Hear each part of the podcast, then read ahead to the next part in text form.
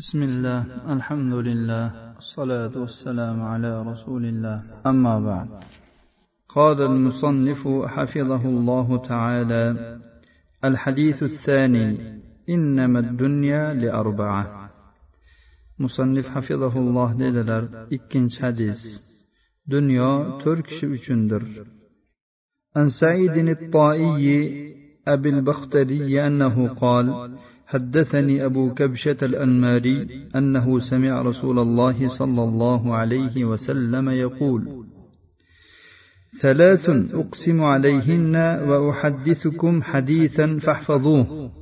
قال ما نقص مال عبد من صدقة ولا ظلم عبد مظلمة صبر عليها إلا زاده الله عزا. ولا فتح عبد باب مسألة إلا فتح الله عليه باب فقر أو كلمة نحوها. وأحدثكم حديثا فاحفظوه. فقال إنما الدنيا لأربعة نفر. عبد رزقه الله مالا وعلما فهو يتقي ربه فيه ويصل به رحمه ويعلم لله فيه حقا. فهذا بأفضل المنازل.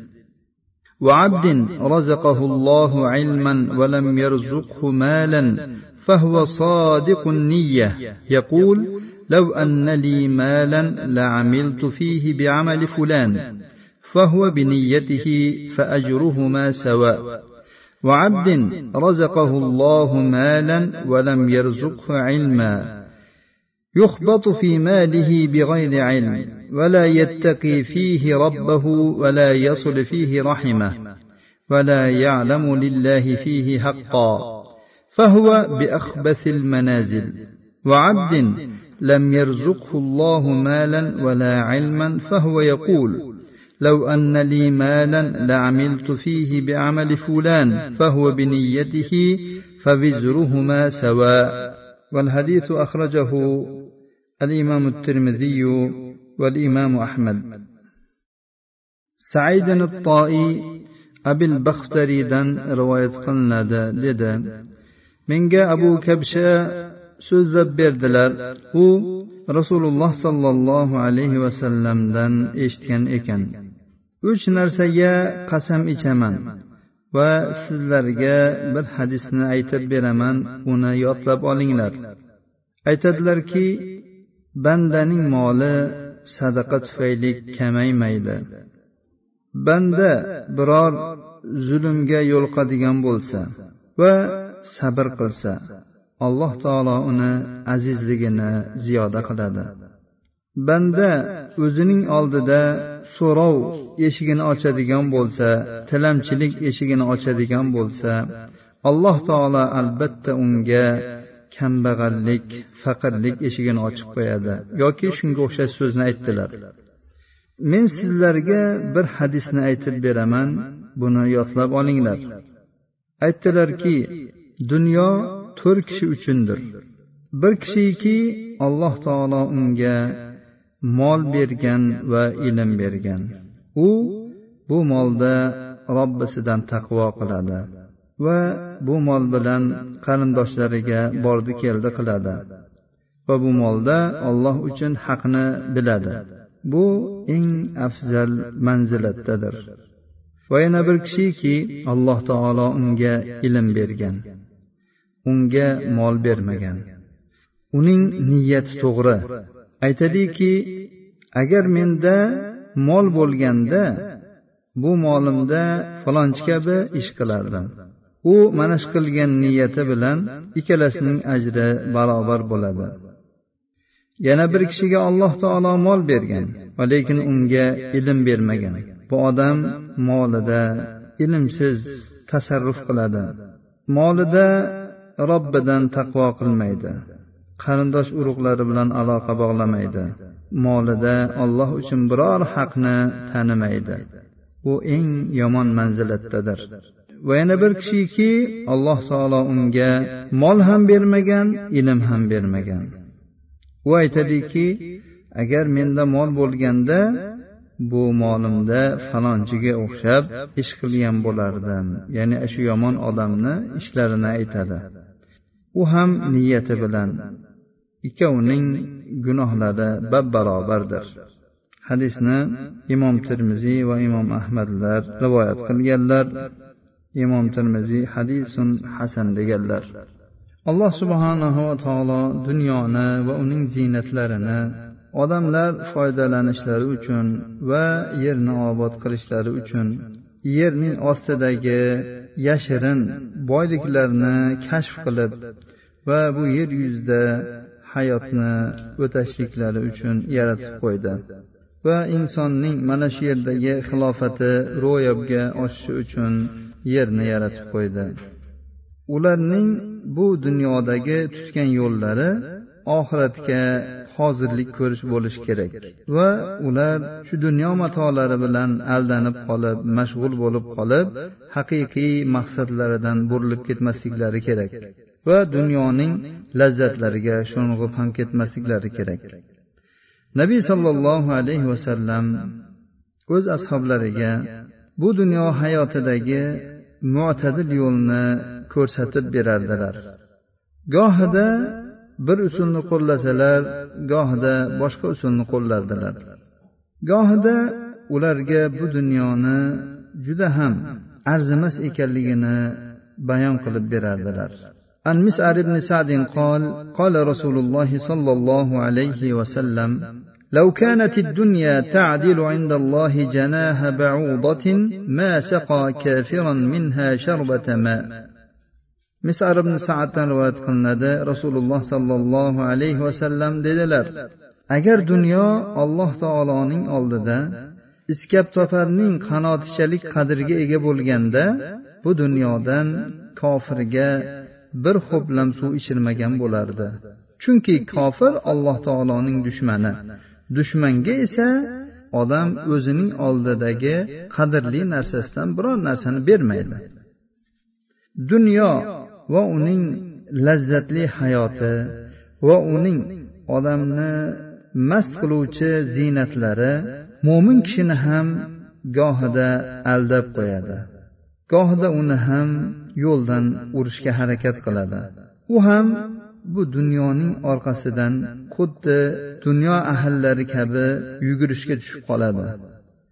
Rasululloh sollallohu alayhi vasallam ashoblariga bu dunyoning qadrini bildirish uchun ko'z bilan ko'riladigan va quloq bilan eshitiladigan ta'lim tarbiya vositalaridan ham foydalanar edilar toki tarbiya va va'z o'z o'rniga yetib borsin فعن قيس بن أبي حازم عن المستورد بن شداد قال كنت مع الركب الذين وقفوا مع رسول الله صلى الله عليه وسلم على السخلة الميتة فقال رسول الله صلى الله عليه وسلم أترون هذه هانت على أهلها حين ألقوها قالوا من هوانها ألقوها يا رسول الله قال الدنيا أهون على الله من هذه على أهلها قيس بن أبي حازم مستورد بن شداد رواية قلده dediki men bir jamoa bilan rasululloh sollallohu alayhi vasallam bilan birga ketayotgandik shunda rasululloh sollallohu alayhi vasallam bir harom o'lgan qo'zichoqning oldidan o'tib qoldilar va to'xtadilar Aytdilarki sizlar nima deb o'ylaysizlar? Mana shu qo'zini tashlagan paytlarida bu qo'zi o'z ahli uchun qanchalik qimmatga qanchalik qadrga ega edi? Ular ey rasululloh buning qadri bo'lmaganligidan tashlab yuborishganda dedilar. Shunda rasululloh sollallohu alayhi vasallam aytdilarki dunyo alloh taoloning oldida mana shu o'limtik qo'lchoq o'z egalariga arzimas bo'lganidan ko'ra arzimasroqdir. Bu rasululloh sollallohu alayhi vasallam tomonidan tutilgan ajoyib bir yo'l va uslubki u zot ashoblarini mana shu yerga ya'ni bir chekkaga tashlab yuborilgan o'limtik ya'ni harom o'lib qolgan qo'zichoqning oldida to'xtatdilar. Va ularning e'tiborlarini mana shu badbo'y bo'lib hidlanib yotgan badbo'y bir manzaraga jalb qildilar. Bu bilan u zot ularning his tuyg'ularini qo'zg'atmoqchi edilar. Aytdilarki nima deysan mana shuni tashlaganda shuni bir qadri bormidi egasiga ular yo'q deyishdi. Rasululloh sollallohu alayhi vasallam mana shu holatdan chiroyli foydalandilarda va ularga bir tarbaviy luqma berdilar. Aytdilarki dunyo alloh taologa mana shu qo'zichoq o'z ahliga e'tiborsiz qadrsiz bo'lganidek alloh taologa bundan ko'ra ham qadrsizroqdir. Mana shu payg'ambarona uslub bilan inson hayoti muvozanatlashadi va uning nazarida dunyo o'ta qadrsiz bo'lishi bilan birga oxiratga bir yo'l ko'prik misolida ya'ni o'ziga yarasha o'rinli ham bo'ladi. Payg'ambarimizning bu kabi uslublari o'rniga qarab har xil bo'lardi. Gohida qattiqroq gohida yumshoqroq bo'lardi. Abu hurayra roziyallohu anhudan rivoyat qilinadi. Aytadilarki men rasululloh sollallohu alayhi vasallamdan eshitdim. إن الدنيا ملعونة ملعون ما فيها إلا ذكر الله وما والاه وعالم أو متعلم دنيا la'natlangandir va dunyodagi narsalar ham la'natlangandir faqat bundan allohning zikri va allohning zikriga muvozi bo'lgan allohning zikridan bo'lgan narsalar olim va ta'lim oluvchigina mustasnodir o'qib o'tilgan hadisdagi tarbaviy ma'nolardan va mo'minning dunyoga nisbatan e'tibori nazari qanday bo'lishligi rasululloh sollallohu alayhi vasallamning ushbu so'zlarida ham bayon qilingan. Aytdilarki uch narsaga qasam ichaman va sizlarga bir hadisni aytib beraman uni yodlab olinglar. Aytdilarki bandaning moli sadaqa berish bilan kamaymaydi demak insonning dushmani bo'lgan shayton insonning nafsiga kirib uni iloji boricha mana shu haqiqatlardan burishga harakat qiladi. Va uni agar sen bu molingni sarflab qo'yadigan bo'lsang alloh taoloni yo'lida moling kamayib qoladi qiylanib qolasan ertani o'yla ertangi kuningga qaragin deb turib uni iloji boricha shu nafaqa qilishdan to'sishga harakat qiladi. Alloh taolo shayton haqida qur'oni karimda aytganki الشيطان يعدكم الفقر ويأمركم بالفحشاء والله يعدكم مغفرة منه وفضلا والله واسع عليم shayton sizlarga faqirlikni va'da qiladi ya'ni shayton sizni oldingizga kelib sen faqir bo'lib qolasan deb buni aytib demaydi u qalbingizga kirib qalbingizda bu gapni gapiradi Sizni hayolingizga shuni keltiradi va buzuqliklarga buyuradi. Demak nafsiy sizni buzuqliklarga buyuryaptimi demak ichingizga shayton kirib shayton harakatlantiryapti. Alloh taolo esa sizlarga o'z tomonidan bo'lgan mag'firatni va'da qiladi va fazilatni va ziyodalikni ham va'da qiladi. Olloh vasiun alim zotdir. Alloh taolo butun olamni ilmi bilan va rahmati bilan qamragan alim zotdir. Rasululloh sollallohu alayhi vasallam mana shu nuqtaga ishora qilib dedilarki sadaqa berishi bilan bandaning moli kamayib qolmaydi. Bir bandaga zulm qilinadigan bo'lsa birovga zulm qiladigan bo'lsa va shu qilingan zulmga sabr qilsa o'ch olmasa albatta alloh taolo uni azligini oshiradi. Xor bo'lib qolmaydi u. Dunyoni yaxshi ko'rish ko'rinishlaridan yana biri odam o'zida boriga sabr qilmasdan tilamchilik qiladi. So'raydi. Uni har xil yo'llar bilan so'raydi. Buni rasululloh sollallohu alayhi vasallam ushbu so'zlari bilan muolaja qilyaptilar. Aytyaptilarki qaysi bir banda qaysi bir kishi o'zining oldida tilamchilik eshigini ochadigan bo'lsa albatta alloh taolo unga kambag'allik eshigini ochib qo'yadi.